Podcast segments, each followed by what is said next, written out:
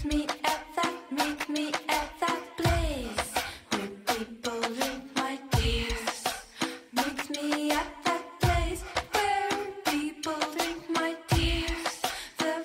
is lang.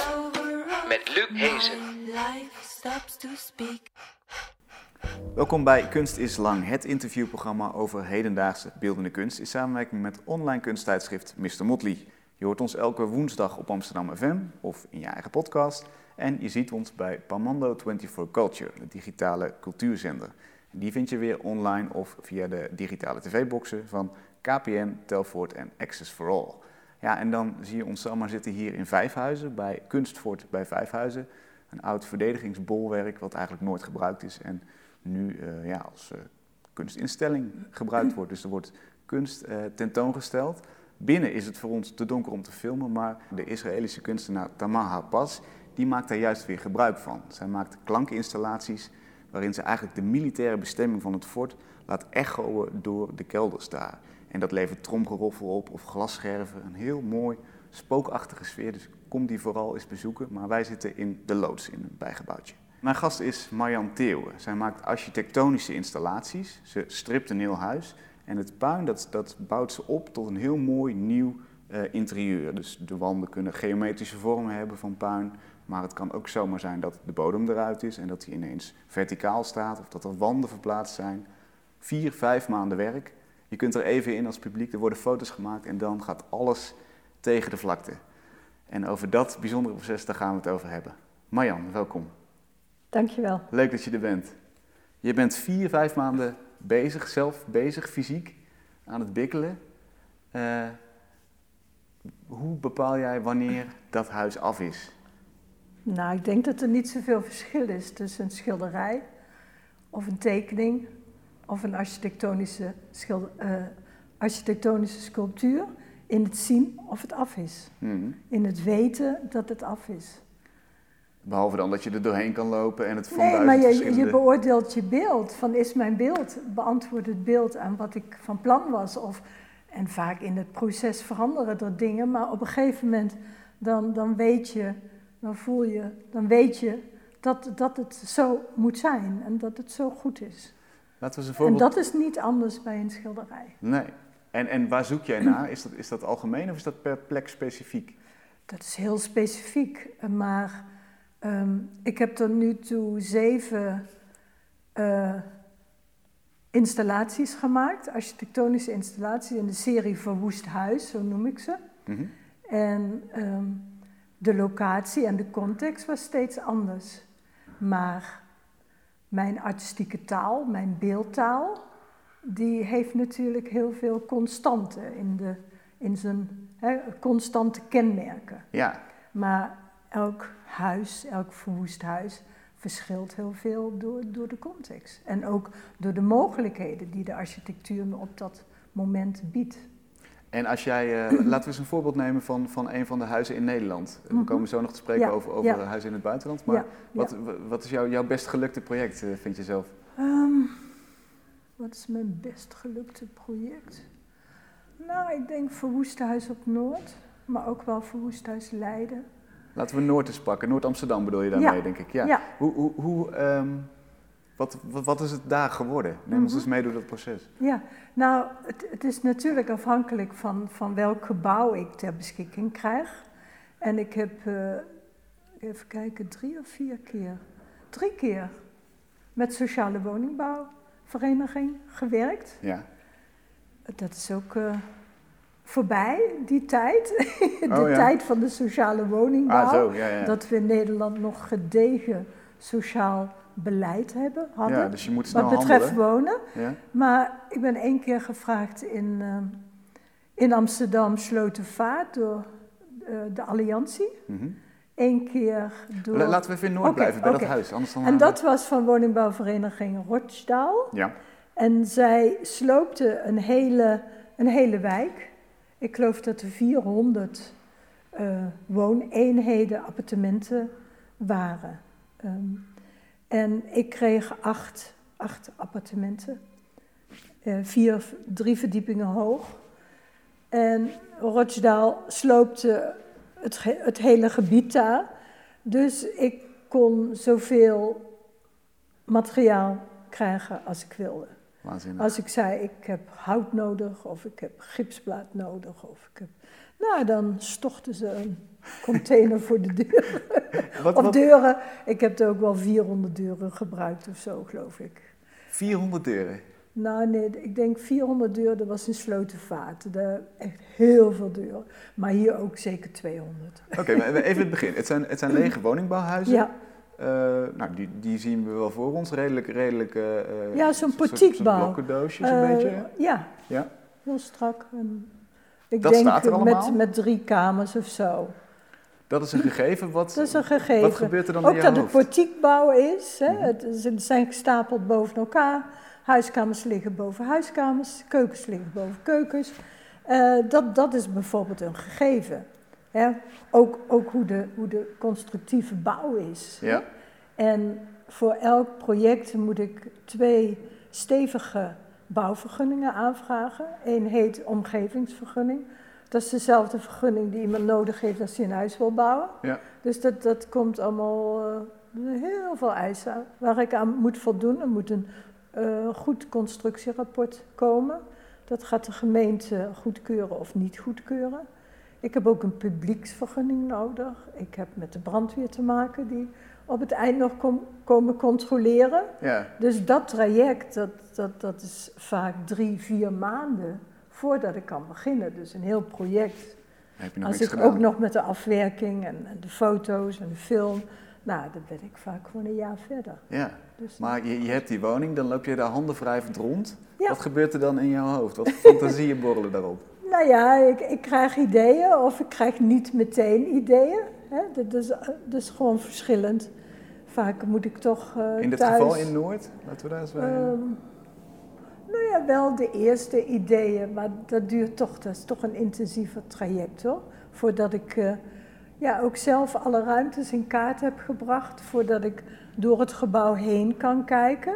Want ik ga heel veel wanden slopen, ik ga vloeren laten vallen. Dus er ontstaan hele nieuwe perspectieven op die architectuur. En voordat die? ik het zelf goed in kaart heb gebracht in mijn hoofd, als ik die muur zo doe en die doe ik eruit en, en die haal ik eh, eruit, dus dat is doorzien. Weet je wel, dat duurt een tijdje voordat, voordat, je, voordat het één beeld voor me wordt. Ja, Snap je? ja, je moet het leren gewoon kennen. één beeld, als je één schilderij maakt.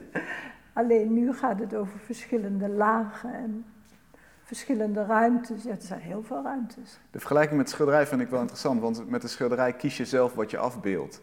Tuurlijk, het is de- een lege de vorm canvas. kies je zelf. De- Maar de een huis is geen- hetzelfde. In huis is nog geen leeg canvas. Nee, maar je kunt eh, een blok klei nemen en, en daar een sculptuur van maken. Die, daar geef je een vorm aan. Ja. Maar in feite doe ik precies hetzelfde met een gebouw. En hoe Ik, ik, je geef dan... een, ik geef een vorm, een artistieke vorm, aan dat specifieke gebouw. Dus ik maak een sculptuur van dat gebouw. Als huis is het natuurlijk geen kunst. Nee. Maar, dus er komt verbeelding, er komt een vorm. Wat moest er in Noord gebeuren voordat die artistieke vorm kreeg? Ja, bedoel, dat, dat is gewoon een tijdje schetsen totdat ik een interessant Nee, maar welke muren moesten eruit of welke Oh, heel veel. Dat, heel veel muren. Bijvoorbeeld, ehm, ik heb... ehm, ehm, ik, ik heb vloeren in een kruis laten vallen. Maar dat, dat zijn dan vloeren die zijn 10 meter lang en 5 meter breed. En dat gaat gewoon kantelen. Dan gaat een verdieping naar beneden aan één kant en de andere gaat die kant op. Ik heb eh, plafonds en vloer. Nou, het zijn, ja, ja, ligt er maar aan waar je staat. Als je er bovenop staat, is de vloer en dan is het plafond. Ja, Ik noemde dat, eh, of wat zei ik? Ja, het waren een soort bewegende vloeren geworden. Die had ik, dit ging eerst zo en dan ging dat weer zo. Ja, daar had ik allerlei vormen aangegeven. als een soort, Met soort knakken. En een ander stuk was weer vier meter naar beneden geha- gehaald. Eh, en de rest was weer naar boven. Ja, dat is te ingewikkeld. Dat kan ik niet even zo. Het is eigenlijk een krankzinnige operatie. Maar ik heb ook vloeren eruit geboord, waardoor je weer in de, hoe noem je die ruimte, zo'n bergruimte beneden keek. Kruipruimte. En daar, nee, nee, daar hadden mensen een, eh, weet je wel, zo'n eh, opslag. Ah, Oké, oh ja. eh, zo'n berging. Mhm. Iedereen had daar een berging. Daar, daar heb ik vloeren uitgehaald, waardoor je ook van boven erin keek. En dat was een soort ruïne geworden. Die had ik eh, nou ja, half gesloopt. maar de rest, de andere delen had ik heel zorgvuldig opgebouwd. Weer Ja. met al die rotzooi die Rochdale mij eh, bracht. Kijk jij naar zo'n huis nog als een huis of zie je dat als een sculptuur? en Ik zie je dat als een sculptuur. Maar voor mij is ook eh, ehm, ja, de sociale structuur belangrijk. Hè? Het, gaat om, nou, het gaat om de architectonische structuur van het gebouw. En, en dit is sociale woningbouw, dus el- elke woning is identiek. Die zijn op elkaar gestapeld, het geeft een ritme. Maar je hebt ook een sociale structuur. Welke mensen hebben daar gewoond? Hoe woonden die mensen daar? Weet je wel? En, en dat ga je ook zien. Je, je ziet de resten van bewoning. Het is wel doordrenkt met menselijke, met sociale eh, ja, geschiedenis. En dat zie je heel goed, alle wc'tjes boven elkaar. En de ene had een, eh, een zeiltje en de ander had tegels. En, nou ja, je ziet al die individuele kenmerken in die sociale structuur. En die moeten ook zeg een plek houden in jouw uiteindelijke Nee, werk? Of? Weet je, ik verwoest het, maar je ziet altijd die resten nog. En Mhm. dat, vind ik heel, dat vind ik heel interessant om te laten zien. Het, het, het zou heel anders zijn als ik, eh, nou ja, gewoon met een aannemer een gebouw ging neerzetten. Ja, Omdat tuurlijk. je, ja, dat bedoel ik. Dus die, die, die, eh, die resten van menselijke activiteit, dat verleden, dat vind ik heel boeiend dat je dat ziet. Anders wordt het gewoon heel neutraal. Hè? Je gaat met bakstenen Ja, een gebouw neerzetten en eh, dat, dat leeft een minder. Dus ik ja, vind precies. beide vind ik heel belangrijk. want, want ik heb wat filmpjes gezien in voorbereiding op dit gesprek. En dan zie je bijvoorbeeld nog de voetbalplaatjes zo in een, in een Ja, inbouwkast. zo, ja, of, of, of een poster uit de Playboy geloof zo ik. is hangt er dat. Of een meisje wat haar kamer met hartjes had. Heel ontroerend. Dat zijn de resten, weet je wel? En, en dat speelt gewoon een rol. Ja, Niet dat ik er heel veel mee bezig ben, maar, maar wel, nou ja, ook met zo'n gegeven dat nou, die, sociale, die traditie van sociale woningbouw wordt afgebroken in Nederland. Dat gaat me aan mijn hart. ja. En, en ik heb dus veel gewerkt in, in, met woningbouwverenigingen in buurten waar mensen wonen die, die gewoon minder kansen hebben. Snap je? Mm, mm. Dus da, daar ben ik wel bij betrokken als mens. Ja. Dat, dat voel ik en daar kies ik ook voor. En, eh, Ben je ook bezig met het feit dat heel veel eh, huizen hun, hun bewoners overleven? Dus dat daar verschillende generaties kunnen wonen? Speelt dat Nou, voor jou? Nou ja, aan zich de menselijke conditie wel, hè? Van, eh, nou ja, we komen tot bloei, onze lichamen komen tot bloei en gaan langzaam weer tot verval en uiteindelijk tot de dood. Daar ben ik wel degelijk mee bezig. Ja. Wat voor vorm krijgt dat in- zo'n Nee, eh, dat, is allemaal niet anekdotisch, allemaal niet illustratief. Geen, dat, dat, daar ben ik niet specifiek mee bezig. Mhm. Maar dat zijn wel eh, heel sterk inhoudelijke vragen. Of inhoudelijke fascinaties van, van hoe doen wij dat, dit leven. Snap je? Ja. Maar, en mijn werk gaat heel veel, heel sterk over die, die menselijke conditie. En, ehm, en, en in die menselijke conditie heb je een aantal ingrediënten. Bijvoorbeeld het tot bloei komen en dan weer hè, sterven. Die vergankelijkheid, die kwetsbaarheid. Zoals een gebouw tot, tot puin hè, uiteindelijk vervalt in puin. Zo gaat ook ons lichaam uiteindelijk tot stof terugkeren. Ja. En eh, dus ja, dat idee van vanitas, de tijdelijkheid en hoe de mens daarmee. Ik ben daar wel mee bezig, maar dat krijgt nooit een anekdotische of illustratieve. Mijn huis, of ja, mijn werk gaat erover. ja, precies. En de, en de andere kant is, eh, di- dit, is, dit zijn ingrediënten van ons menselijk bestaan, waar we, nou ja, we zijn onderdeel van het grote geheel, van het heelal. Eh, net als een dier gaan ook wij dood, dus dat, dat hoort bij onze menselijke conditie. Maar daarnaast hoort er ook bij, maar dat is wat de mens zelf aanricht. Daar ben ik heel sterk mee bezig, hoe het in godsnaam mogelijk is dat... eh, Ehm, nou ja, als mens, we, we bouwen de wereld op. En we zijn ontzettend sterk. We kunnen steden bouwen, we gaan naar de maan. Techniek ontwikkelen zoveel. Een enorme opbouwende kracht heeft de mens. Maar de mens heeft ook een enorme verwoestende kracht. Ja, En dat is lijden wat de mens zelf aan de ander aanricht. dat hoeft niet, zeg Dat je. ene is gewoon onderdeel van ons menselijk bestaan, van onze conditie. We gaan nu eenmaal dood. Hè? Hm. En, eh, maar de ander is gewoon eh, leed wat de ene mens de ander aandoet. Wat, wat eigenlijk helemaal niet hoeft te bestaan als we anders. Maar dat is ook onderdeel van onze conditie, blijkbaar. Ja, precies. Dat we, zoals Dostoevsky zegt, dat we dat niet kunnen overwinnen. Mhm. Dat we die polariteit niet kunnen overwinnen. We En dat- bouwen op en ver- verwoesten. Ja, zoals de natuur zelf eigenlijk. Ja, maar het- ja, je zou. Misschien ben ik soms teleurgesteld dat de mens dat zo doet. Als Ja. ik naar alle extreme kijk, extreme oorlogen en excessen die de mens aanricht, dan is er meer aan de hand met de mens. Hè? meer dan de natuur ons dwingt te doen. Nou ja, je zou bijna verwachten. We denken altijd dat we. We zijn wel onderdeel. Nee, ik denk dat zelf niet hoor. Maar mensen. Ik hoor toch vaak de opvatting dat we als mens ook wel daarboven staan. Hè? Hmm. Boven dieren staan. Kunnen denken, Beschaving. kunnen voelen. Beschaving, ja. Maar in deze excessen.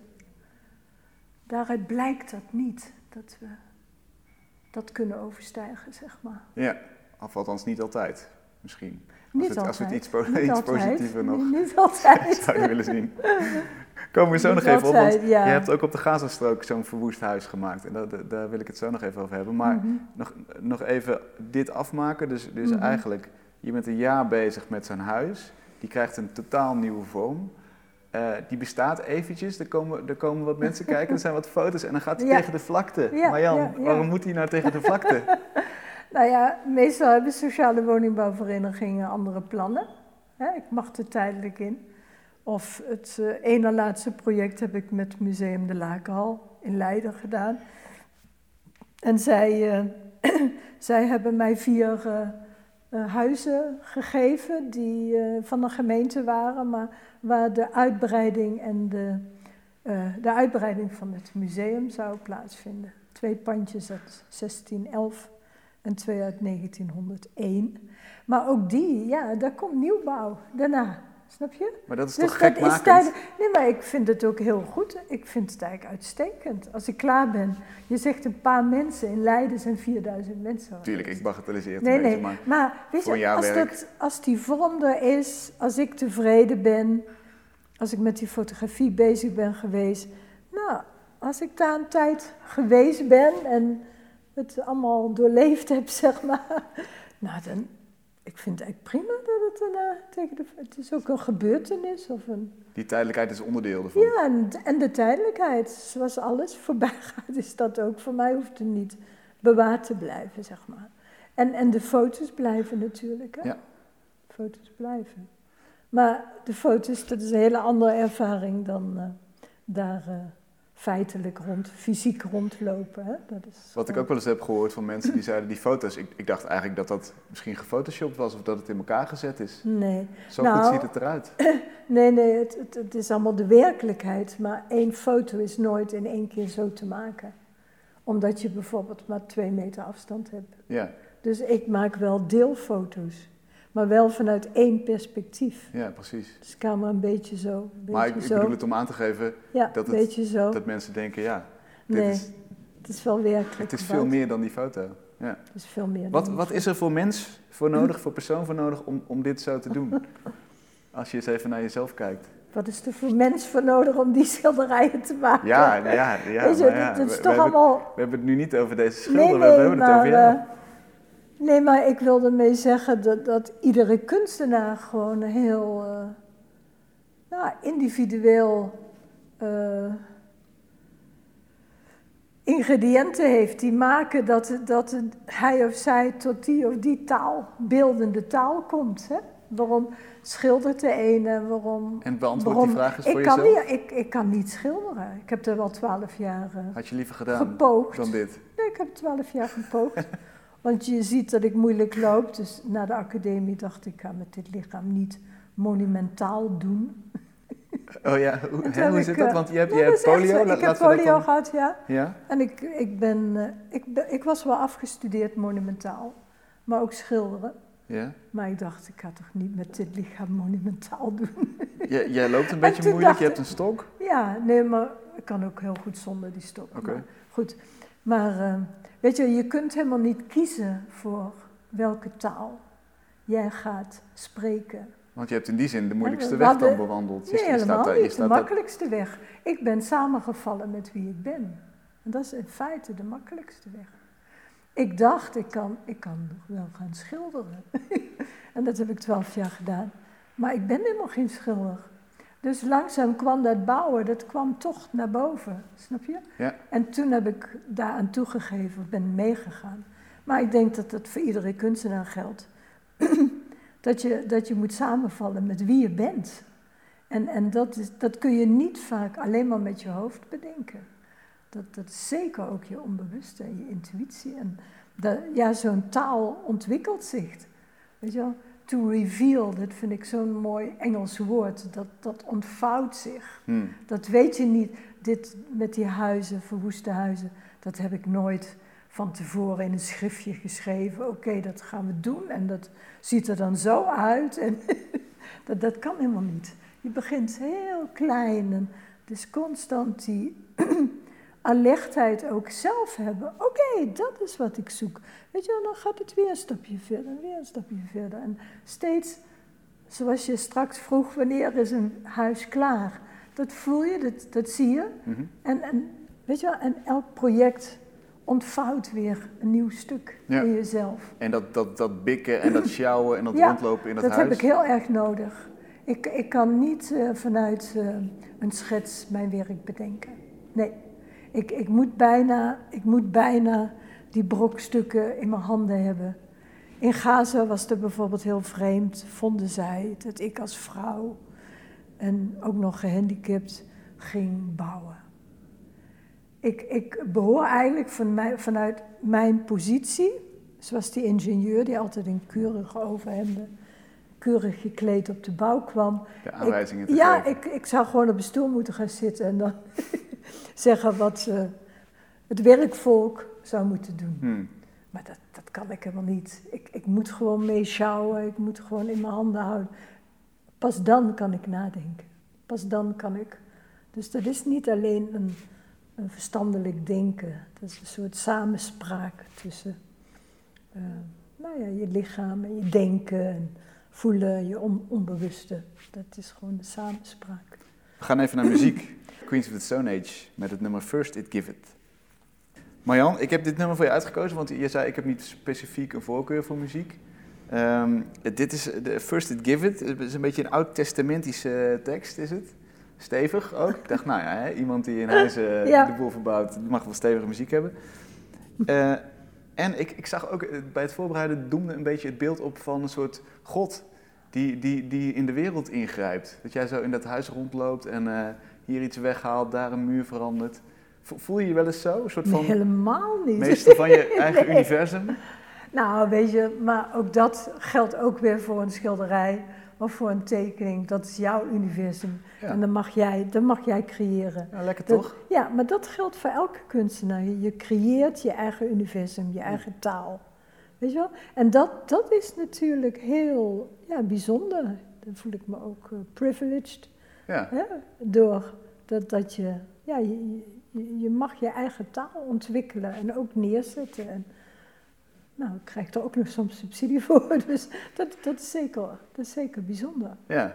Je bent ja, je letterlijk een schepper natuurlijk. Ja, je schept. Klopt. Maar dat is iets anders dan God zijn, ingrijpen in de wereld. Ja, nee, in je eigen wereld grijp je De in. kunst, de kunst kan invloed hebben. Ja. kunst kan invloed hebben. Hè? Hoe- zie je jouw invloed tot, tot Nee, kunst kan, kunst kan invloed hebben. Kan, kan, eh, eh, kan invloed hebben op mensen, kan invloed hebben op denken. Mhm. Je toont eigenlijk iets nieuws, iets wat nog niet bestaat. En eh, heel nauw verbonden met de werkelijkheid, maar het staat er ook buiten, zeg maar. Dus je, ja, je creëert een, een, een, nieuw, een nieuw beeld. En, en, en kunst kan daarin heel veel betekenen voor mensen. Schoonheid, troost, eh, een nieuw denken, andere manier naar de wereld kijken. Dus eh, dat kan wel. Je geeft het een betekenis. Wat is, wat is de belangrijkste reactie, denk jij, die, die jouw werk oplevert? Ah. ja, dat, nou, mensen. In Leiden zei één bezoeker, en dat vond ik wel heel kernachtig. Ja, er zijn heel veel opmerkingen die wel dichter bij elkaar komen. Maar daar noemde één bezoeker mijn werk. Uh, ze had daar het woord bij stil geweld. Zo, het stof is neergedaald. Er de, de, de valt uh, geen pijn meer naar beneden. het stof is neergedaald. Maar, maar je, je ruikt, je voelt, je, je ervaart nog wel ook die verwoesting. Hmm. En aan de andere kant is, je ervaart ook heel sterk de opbouw. Dus je zit wel tussen die twee krachten in. En bij verwoesting denken mensen. In Amsterdam-Noord noemde iemand uh, het geheel klein Syrië. dus dat mensen, of in Rotterdam, iemand, een man van 70, 75, die de Tweede Wereldoorlog had meegemaakt, die eerst niet naar boven wilde, uiteindelijk wel deed, maar die helemaal verschrikt beneden kwam. Ik, uh, ik, ik, ik heb dit in de oorlog meegemaakt en ik had het niet opnieuw willen zien. Zo. Ja, ja. Of, uh, en wat, wat, wat doet jij dat? Nou ja, mijn, mijn werk gaat wel over die twee krachten, dus dat vind ik heel bijzonder. Of in Gaza was het heel sterk dat mensen vonden het beautiful. Dat was echt het woord waardoor ze toegang kregen. Mhm. Schoonheid is voor mij ook belangrijk, onderdeel. En doordat ze het beautiful vonden, nou ja, dan kun je erin gaan, hè? Dan, dan wil je het ook zien. Maar als ze er eenmaal in gingen, dan herkenden ze natuurlijk hun eigen brokstukken. En dat je uit die brokstukken weer een nieuwe orde schept, weer een nieuw beeld uh, creëert. Want je, je, hebt daar een, een plat gebombardeerd huis, of ja, in ieder geval een gebombardeerd huis in tien jaar tijd, ja, ze hebben in tien jaar tijd drie uh, oorlogen meegemaakt. Dat toch uh, nou ja, duizenden huizen verwoest zijn. Ja. En, en, en ze bouwen zelf ook steeds weer op. Ja. Gaza is weer opgebouwd. En, en dit huis en ik was, doe eigenlijk hetzelfde. dit huis was door een Israëlische granaat, Ja, ja, denk ik, eh, eh, bijna verwoest, praktisch verwoest. Nu, eh, nou, de, de, de architectonische structuur, die stond er nog. Hm. Maar de meeste wanden waren eruit geblazen door de bom. En er was ook vuur geweest. En, en, dus het was heel zwart. Heel mooi, ook door regen en water, door het blussen. Dat was bijna een grafiet, grafiettekening van binnen. Maar ik, ik, ik heb het eigenlijk niet. Ik, ik ben buiten het politieke conflict gebleven. Het, het is duidelijk hè, wat er. Iedereen weet wat er in Gaza gebeurt en wat de relatie met Israël is. Je hebt nu een vijand en je hebt een dader. En uh, nou, die komen regelmatig tot clashes. Mhm. Maar mijn opstelling in Gaza, ik, ik heb uh, heel duidelijk gekozen voor Gaza. Maar ik ben een kunstenaar, dus, dus ik doe geen politieke uitspraken. Ik ben niet, uh, ik ben geen politicus, ik ben geen journalist, ik ben geen Vertel eerst even, hulpverlener. eerst Oh, even wel hoe je dat hebt aangepakt daar. hoe ik het aangepakt. Ehm, Je vindt dat skelet, heb een- dat zwart geblakerde ja, skelet? ik ben in januari eh, voor de eerste keer geweest, vorig jaar. En de, de Rode Halve Maan, dat is de zusterorganisatie van het Rode Kruis in, de Arabische, in het Midden-Oosten. Mhm. Ik ben in contact gekomen met hun via een kunstenaar uit Den Haag, die er al twintig jaar komt. En, en de Rode Halve Maan was meteen heel enthousiast. Dus eh, ik ben drie dagen op pad gegaan met een busje van de Rode Halve Maan en drie eh, mannen met rode vesten. op zoek naar artistiek interessant gebombardeerde gebouwen. En voor mij, ik heb toen ook een lezing gegeven en voor mij was toen de belangrijkste vraag, is het ethisch dat ik als rijke westerse vrouw, kunstenaar, hier mijn ding kom doen? Ik, ik vond echt, dit, dit moet gedragen worden, anders ga ik niet. En het tweede was, ik wil artistiek eh, autonoom zijn. En als dat niet kan, als ik een politieke message moet eh, uitdragen, dan kan het ook niet. En dat eerste heb ik gecheckt door eh, die uitspraak te doen van, eh, nou, ik wil een gebouw vinden dat artistiek interessant gebombardeerd is. En eh, na twee dagen, drie dagen, toen zei ik dat tegen de directeur, die Jihad heet, nou, dat ik toch maar moeilijk een gebouw kan vinden. Ik kon toen nog moeilijk een gebouw vinden. En toen zei hij, so you need a fresh bomb to building. En dat was gewoon echt testen. Mag, mag ik artistiek vrij denken? Ja, Snap je? ja. Dat leed ken ik wel, weet je wel. Als mens ben ik betrokken, anders kom ik daar niet. Maar ik ben geen hulpverlener. Ik ben ook geen journalist. Ik kan geen uitspraken doen over eh, hoe die strijd op dit moment is. En wie schuld is en wie vijand is en wie dader is. Want eh, zeker na die drie maanden weet ik dat die rollen dader, slachtoffer, hop, zo kunnen kantelen. Mm. Tegelijkertijd, Slachtoffer van nu staat nu klaar om Dader te worden. dader te worden. En, en zo wisselt het. Dus daar gaat het mij niet over. Mm. Ik wil een. Ik wil een eh, mijn kracht is het artistieke. Dus ik wil een, een artistiek, ja, hoge kwaliteit installatie. En als ik die kans krijg om dat te doen, dan hebben de Palestijnen, of dan hebben zij ook het meeste aan mij. Ja, ja, als je artistiek bent in plaats van een boodschap Als het, een sterk, als het een sterk werk is, dan, dan werkt dat voor hun ook. En toch en staat daar die- natuurlijk alles op scherp, hè? Op, ja, op- maar ook in die, eh, lezing werd het heel duidelijk gezegd, ook door de Rode Halve Maan, maar ook mensen die bij die lezing zaten. We need art. We need art to heal. mhm. We hebben een plek nodig om te gedenken. Of kunst is heel belangrijk voor ons. Ook wij Palestijnen houden van kunst. Snap je? Dat soort boodschappen allemaal. Wat, welke rol speelt het werk, denk je, daar? Want je zegt, ik probeer weg te blijven van de politiek. Ja. Eh, Maar dat is ook gelukt. ja. Ook eh, journalisten als eerste, want de hele, de, de hele wereldpers is geweest. En in eerste instantie, de eerste vraag van iedereen is, what's your message? En ik antwoordde steeds, I don't have a political message.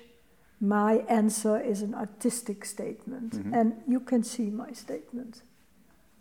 En dat werd ook door iedereen geaccepteerd. Mhm. Niemand vroeg nog over. D- dit is wat het was. Een kunstwerk. ja. Wel in een politiek geladen omgeving. Dus Ja. de context. Daar heb ik wel voor gekozen. Maar dat had ook Syrië kunnen zijn, of Jemen, of eh, in een ander voormalig oorlogsgebied.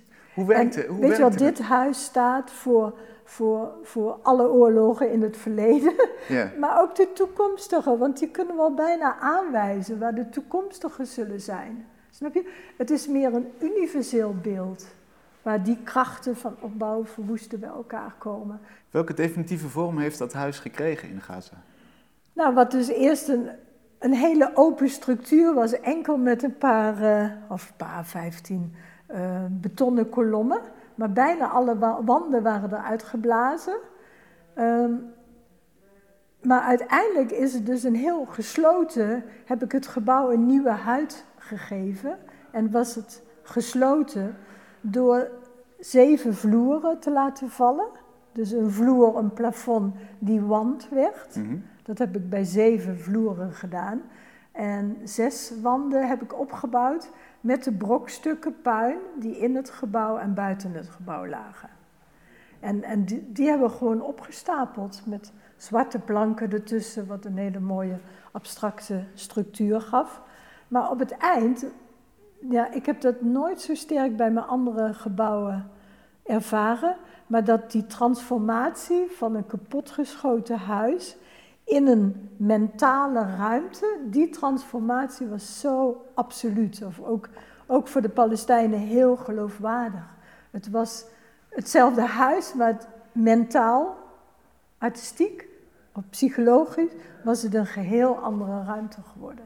Ik had ook 1,50, de helft van het, twee derde van het gebouw, 1,50 uitgegraven. Het zand eruit, het is allemaal strandzand, heel Gaza. Dus je kreeg, ja, het, het was een, nou, de transformatie vond ik heel absoluut in een nieuwe mentale artistieke ruimte. Die ook zij heel geloofwaardig vonden. Mooi. En dat is wat kunst doet. Die transformatie van iets uit de werkelijkheid naar een, nou, een soort gesublimeerde nieuwe werkelijkheid die er ook, nou, die er ook boven ligt. Wel allemaal relaties heeft met die werkelijkheid, maar ook die erboven, erboven hangt. Hoe, hoe, hoe werkte eh, het beeld daar? Want ik kan me ook voorstellen dat, je, dat de werkelijkheid je overstijgt als je daar zit. Dat, dat, is precies wat er gebeurt. Ja, Eigenlijk, weet je wat, die context is er gewoon. We vinden bomscherven, eh, het, het is allemaal zwart geblakerd. De Sterker wanden nog, zijn eruit een, geblazen. een granaat die, die nog heel was daar, die werd door Hamas meegenomen om natuurlijk weer ingezet te worden. Zeker, zeker. Dat, dat is toch gekmakend als je daar... Nee, nee, nee. Dat, dat, is- dat, dat is de realiteit waarin mensen leven. En dat is op dat moment ook mijn, mijn werkelijkheid. Weet je wel, er is een bomgat, daar is de bom naar binnen. En in het plafond, oh, hè, de bovenste verdieping en de eerste verdieping. Er Wat, is wat iemand doet het met de overleden. Is, maakt, maakt het de kunst heftiger? Nou, ik weet het, ja, het, het is allemaal onderdeel van. Weet je, in, in beeldtaal is, is mijn werk in Nederland niet anders dan in Gaza. De context is geheel anders, alles staat op scherp. En je ziet daar ook, je ziet daar ook details van die refereren aan die oorlog. Hè? Dus, dus dat zet het meer op scherp. Iemand zei tegen mij, eh, of ja, dit is niet iemand, het is de directeur van Museum de Lakenhal in Leiden. Alsof de serie Verwoest Huis nu voltooid is. Weet je wel? Ehm, het was ook dat ehm, door die context, alsof het ook gewoon helemaal Ja, zo moest zijn. hier kom je niet meer Altijd al. overheen. Ja. Ja. Dit, dit is de meest indringende vorm dat het werk Ja, eigenlijk terwijl in de artistieke vorm is er niet eens zoveel verschil met andere verwoeste huizen die ik gemaakt heb, begrijp je? Ja. Ja. Maar betekent dit ook voor jou dat het, dat het afgesloten is? Geen nee, het is huizen niet meer? afgesloten, maar ik ben nog zo aan het verwerken en bedenken en laten indalen. Dus echt een heel heftig traject geweest. Want emotioneel is het heel zwaar. Ja. door drie maanden in, in die context te werken. En ja, ik ben ook mens, dus het komt ook allemaal binnen bij mij wat de mens doet en hoe dat uitpakt. Dus dat- daar ben ik gewoon nog heel erg mee bezig. ja. Om dat allemaal in kaart te brengen of gewoon te verwerken. En, eh, En, en, en toch, als je dan nu nadenkt over eh, ergens in Noord-Brabant weer een, verwoest huis doen, dan is het toch een slap zooitje hier allemaal. Ja, ik, ik, weet het, ik weet het gewoon niet. Weet je, ik, ik ga ook niet eh, eh, nu, of, of afgelopen, ik ben twee maanden thuis, heel hard werken om, om te weten wat de volgende stap wordt. Ook dat is een samenwerking tussen mijn systeem en mijn denken. En weet je wel, dus dat komt gewoon op zijn tijd. Dit, dit moet eerst afgesloten worden. Ik ben met de film bezig en de foto's van Verwoest Huis Gaza. En, en dat- ja, dat zal zich ontvouwen. Dat, dat kan ik niet zomaar even bedenken, zeg maar. Nee. Maar er zal zeker nog wel een nieuwe stap gezet worden. Dat weet ik eigenlijk wel zeker. Ja, ook, ook binnen de verwoeste huizen, dus het, het zal nog niet helemaal... eh, ja, ja. Wat, wat, wat mij ook eh, trof eigenlijk in de voorbereiding is dat ik dacht, ja, dit, dit, dit, is- dit is ook een symbool inderdaad voor het, voor het menselijke, de, de Ja. traject wat de, wat de mens doorloopt. ja, ja. Maar als je die vergelijking doortrekt, dan, dan maak jij eigenlijk van hele oude mensen eh, een- op, no- nog, op het laatst nog even iets, Nou, het ligt eraan. Dat gebouw in eh, Gaza was pas 40 jaar. Dat en dat is eigenlijk voor Gaza heel oud al. De meeste gebouwen zijn veel jonger. Ja, Nee, zo werkt het eigenlijk niet. Dat, dat dat dan oude mensen zouden zijn die ik in een nieuwe, nieuwe vorm stapel of zo. ja. Zou, nee, dat zou kunnen ook niet- jonge, nee, gewoon alle mensen. Jong en oud. Ja, Eh, dat is een heel raar idee. Maar zou dit- is dit te Nee, maar- transformeren naar de mens? Nee, maar wel wat we in het begin zeiden, die vergankelijkheid van de mens. Wij, wij moeten als mens, eh, eh, zijn we ons bewust van de naderende dood. Vroeg of laat, Ja. dat weten we niet. Dus die eindigheid, die vergankelijkheid, die kwetsbaarheid, dat, dat, dat, dat, dat is een heel belangrijk onderdeel. Hè? Maar het lijkt me nou zo leuk als jij eens gewoon mensen ging opschudden in plaats van gebouwen. Dus nou, ik hoop dat even- dat door de gebouwen gebeurt. Ja. Maar dit, of, Dat of kan door de gebouwen gebeuren. levens nog even een andere draai kan geven of zo. Nee, maar jij wil steeds dat ik God eh, speel. Nou, dat hoeft Maar dat mij ben niet. ik maar dat- helemaal niet. Nee. zou, dat, dat zou nee, dus niet kunnen ik ben zo. meer, meer een intermediair van ik, eh, die werkelijkheid eh, ontvouwt zich ook voor mijn ogen. En nou ja, je, je hebt er zelf, eh, nou, ik, ik maak beelden. Wa- Wat, wat doet kunst in feite? Kunst wil ehm, in een artistieke, verbeeldende taal iets vertellen over hoe dat leven, hoe die menselijke conditie in elkaar zit. En, en dat kun je op heel veel verschillende manieren doen. Je, je kunt schilderen, je kunt bouwen, je kunt tekenen, je kunt muziek maken, literatuur. Weet je wel? Maar je geeft wel steeds iets heel autonooms, iets heel authentieks terug aan de wereld. Wat jouw gedachten zijn, beelden van die werkelijkheid. In een hele verbeeldende taal, zeg maar. Dus eigenlijk geef je de wereld wel iets. Maar dat is maar één visie, die van mij. Zo kunnen er heel veel visies zijn. Maar Ik goed. eh, verheug me op de volgende. Ja? Oké, Dankjewel. alsjeblieft. Kunst is lang. Met Luc Hezen.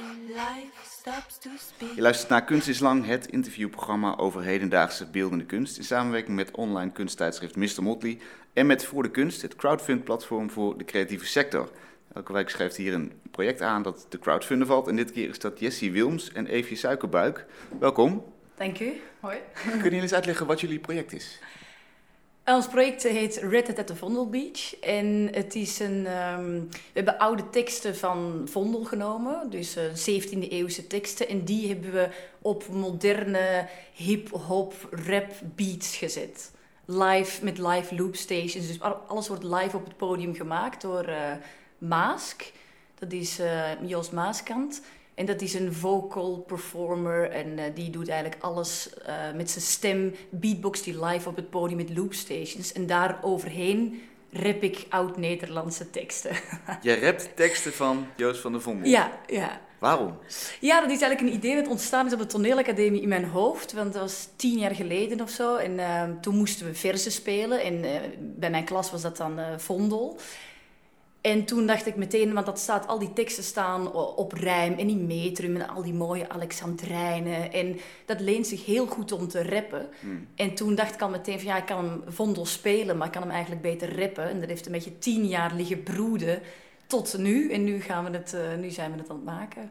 En waarom nu? Eh, hoorde je een nummer op de radio of zo dat je weer dacht, oh ja, Vondel? Nou, nee, het was eigenlijk dat we er volgens mij achter kwamen dat we alle drie eh, daar tijd voor hadden. En, eh, Ja. Ja, en dat we gewoon dachten van, ja, fuck it, we gaan het gewoon nu doen. En eh, we kunnen nu ook op Down the Rabbit Hole ermee staan. Dus er waren zo een paar dingen die, eh, die het gewoon als een goed eh, moment deden aanvoelen. Ja, en, en ik merk ook wel dat, omdat het misschien tien jaar heeft gewacht, dat mijn fascinatie voor Vondel en voor de... Want hij, is, eh, hij heeft eigenlijk geleefd tijdens de 17e eeuw, wat een gouden eeuw van Nederland was, waar hele interessante dingen zijn gebeurd. Ook de 80-jarige oorlog. En, eh, dus hij is in een hele interessante tijd in eh, Keulen en daarna in Amsterdam opgegroeid. En we willen eigenlijk met deze show, we hebben nu vijf nummers gemaakt, maar we willen hem later uitbreiden, zodat het ook nog, dat je af en toe als publiek denkt, zit ik nou in een rapshow of zit ik in een geschiedenisles? Dus ik wil eigenlijk al mijn kennis van de Nederlandse geschiedenis van de 17e eeuw ook gaan, gaan verweven met die nummers en dat je een meer theatraal pakket krijgt in plaats van alleen een muziekshow. Want waar schreef hij over? Wat, wat, wat, is, wat was dat specifiek interessante aan zijn tijd? Ja, Vondel, zelf schreef sowieso heel, of sowieso, nou ja, ik vind het heel evident, maar eh, prachtige, technisch heel moeilijke, heel moeilijke stukken. Dus al zijn eh versrijmen en zo wisselen de hele tijd. Dus het zit heel slim in elkaar. En omdat hij is opgegroeid in een hele interessante tijd, hij schreef volledig tegen de politiek in, maar op zo'n niveau dat hij daar zelfs bijna door onthoofd is. Hij moest vluchten, ze heeft de kinderen achtergelaten. Dus in een groter aspect gaat het om ehm, Activisme. eh, om activisme, maar ook hij is 91 geworden in die tijd en heeft al zijn kinderen overleefd, heeft twee vrouwen, allemaal, allebei overleefd, die gingen allemaal dood voor hem. En daar heeft hij ook hele mooie gedichten over geschreven. En hij heeft ook hele mooie parabels geschreven van hoe kan je leven, hoe kan je als goed eh, doopsgezind of eh, protestants mens, hoe kan je dan leven. Daar heeft hij eigenlijk bijna handleidingen voor gemaakt van eh, hoe je jezelf door het leven kan slaan met al zijn levenservaring. Kun je eens een voorproefje geven van die tekst? We hebben uit verschillende stukken van Vondel teksten gekozen. Ehm, dus dat gaat om, om gedichten, maar het gaat ook over Lucifer, wat een van zijn bekendste werken is. En ook eh, Adem in ballingschap. En dat gaat over het ontstaan van de wereld. En dat dan uiteindelijk de mens verleid werd om van de appel eh, te bijten. En, eh, hoe, hoe klinkt dat? en het, het, klinkt, het begin eh, klinkt zo. Op het aangezicht van den kloot, daar de oceaan omspoelt, waar zo menig slag van zeegedrochten woelt. Het is de grootste hovenier die deze lusthof bouwt, waar de eerste mens zijn bruiloft houdt. En dan gaat het door. Ja, ja, ja. Naar je, Adam en voel, je hoort Eva. meteen het ritme eigenlijk, Ja, hè? maar dat, dat, en dat past zo goed bij, bij rap. Je voelt gewoon in zijn, in zijn tekst een, een heel natuurlijk eh, ritme, wat je heel snel op muziek kan zetten. Laten we eens even luisteren naar een fragmentje van hoe dat dan op muziek klinkt. Ja, Hoe bedrukt zit Joosje nou? Hoe bedrukt zit Joosje nou? Yo, Joost, buiten bij de stad en poort in zetten zijn de felle, felle blad versmoord. Yo, Joosje heeft me bij bij de lurven, want hij heeft het het heel verkurven. Ha, ha, ha, ha, ha, ha, ha, ha. Hoe biedt Joosje nu gedaan? Hoe Hebben jullie eigenlijk zijn teksten ook nog gemoderniseerd of aangepast aan de, de rapconventies? Ja, we, we zijn zeker, eh, daar, dat was heel fijn Maask. Dus Joost Maaskant, die, eh, die is gewoon op muzikaal vlak wel helemaal daarin thuis. Dus we hebben zeker zijn teksten eh, aangepast, maar we hebben niet... ehm, we, hebben, we zijn wel heel trouw gebleven aan de teksten. Dus we hebben wel bijvoorbeeld gespeeld met herhalingen van woorden... Ja. om in een bepaald ritme te komen. Ehm, maar we, het is niet zo dat we woorden helemaal hebben veranderd of... eh, de dramaturgie vinden wij ook allebei wel echt heel belangrijk. Dus dat, dat het gewoon nog wel klopt wat voor verhaal je vertelt. Ja. Ehm, maar, maar zo'n dubbeling bijvoorbeeld, één zin is dan Joosje heeft me bij de lurven. Mhm. En dat konden we moeilijk op muziek zetten. En dat hebben we dan gemaakt. Jojoosje heeft me me bij de, de lurven. Dus het enige wat we hebben gedaan is Ah, ja. elk woord twee keer of eh, één keer herhalen. ja. Waardoor het helemaal in de flow van de muziek van Maask mee kon. ja, daar zijn we echt gaan- naar gaan zoeken eigenlijk. Bij elk nummer zijn er ook andere specifieke... eh, ja, hebben daar specifieke Ja. vormen voor gevonden. Ja, en wat ook heel tof is aan die teksten van Vondel is... Want die hedendaagse rappers, ik begrijp die bijna niet. Nou, ik ben niet eens 30, maar ik vind het echt moeilijk om met mijn patta's en doekoes en bla bla. Dat, dat snap ik allemaal niet meer. Maar Joost van der Vondel heeft ook, de- omdat het oud-Nederlands is, heeft hij zo'n mooie, prachtige woorden geschreven die je misschien in eerste instantie niet begrijpt, maar omdat we er hele duidelijke, bijvoorbeeld één nummer is vrij agressief, maar dat gaat ook, dat is een tekst om een oproep om iemand te doden. En, en daar hebben wij vrij nou, harde, recht toe, recht aan muziek bij gemaakt. Waardoor je als publiek makkelijker zijn teksten kunt begrijpen. Misschien niet letterlijk elk woord, maar het verduidelijkt, ehm, het verduidelijkt de oud-Nederlandse tekst van Vondel wel, de muziek. ja. Ja, dus als je het meer aanvoelt eigenlijk Ja. waar het eh, om gaat. Waar gaan jullie het geld voor gebruiken wat jullie inzamelen? We hebben mm, op het oog dat we... We spelen nu eerst op Down the Rabbit Hole en we hebben vijf nummers gemaakt. We hebben het op het oog dat we in de toekomst... We blijven eraan verder werken. Zodat het inderdaad een beetje een vage geschiedenisles nog wordt. Want daar heb ik heel veel zin in. En dus we zijn op zoek vooral naar geld om sowieso onze onkosten te dekken. Maar ook om een nieuwe microfoon aan te schaffen. En om een kostuum eh, aan te kunnen schaffen. Wat gaat het worden? Ja, het is, eh, het, het is eh, de perfecte combinatie van 17e eeuw en een beetje futuristische, die antwoordachtige kostuums. Dus eigenlijk waar wij mee bezig zijn, dat oud en dat nieuwe verbinden, dat zou je op het podium ook gewoon meteen moeten kunnen zien hoe wij eruit zien. En het zou ook heel tof zijn om daar met een kostuumontwerper over te kunnen hebben, bijvoorbeeld. Van hoe dat, eh, ja, hoe dat dan op de perfecte manier tot uiting kan komen. Dus daar zoeken we, daar zoeken we ons geld voor. Helemaal duidelijk. Ik ben heel eh, benieuwd. Lijkt me een spannend project. Vondel Revisited. Ja, precies. Zoek op voor de kunst eh, op Red Hat at the Vondel Beach. En dan vind je Jessie en Neefje. Dank jullie wel. Alsjeblieft. Wij zijn de volgende week weer. Tot dan.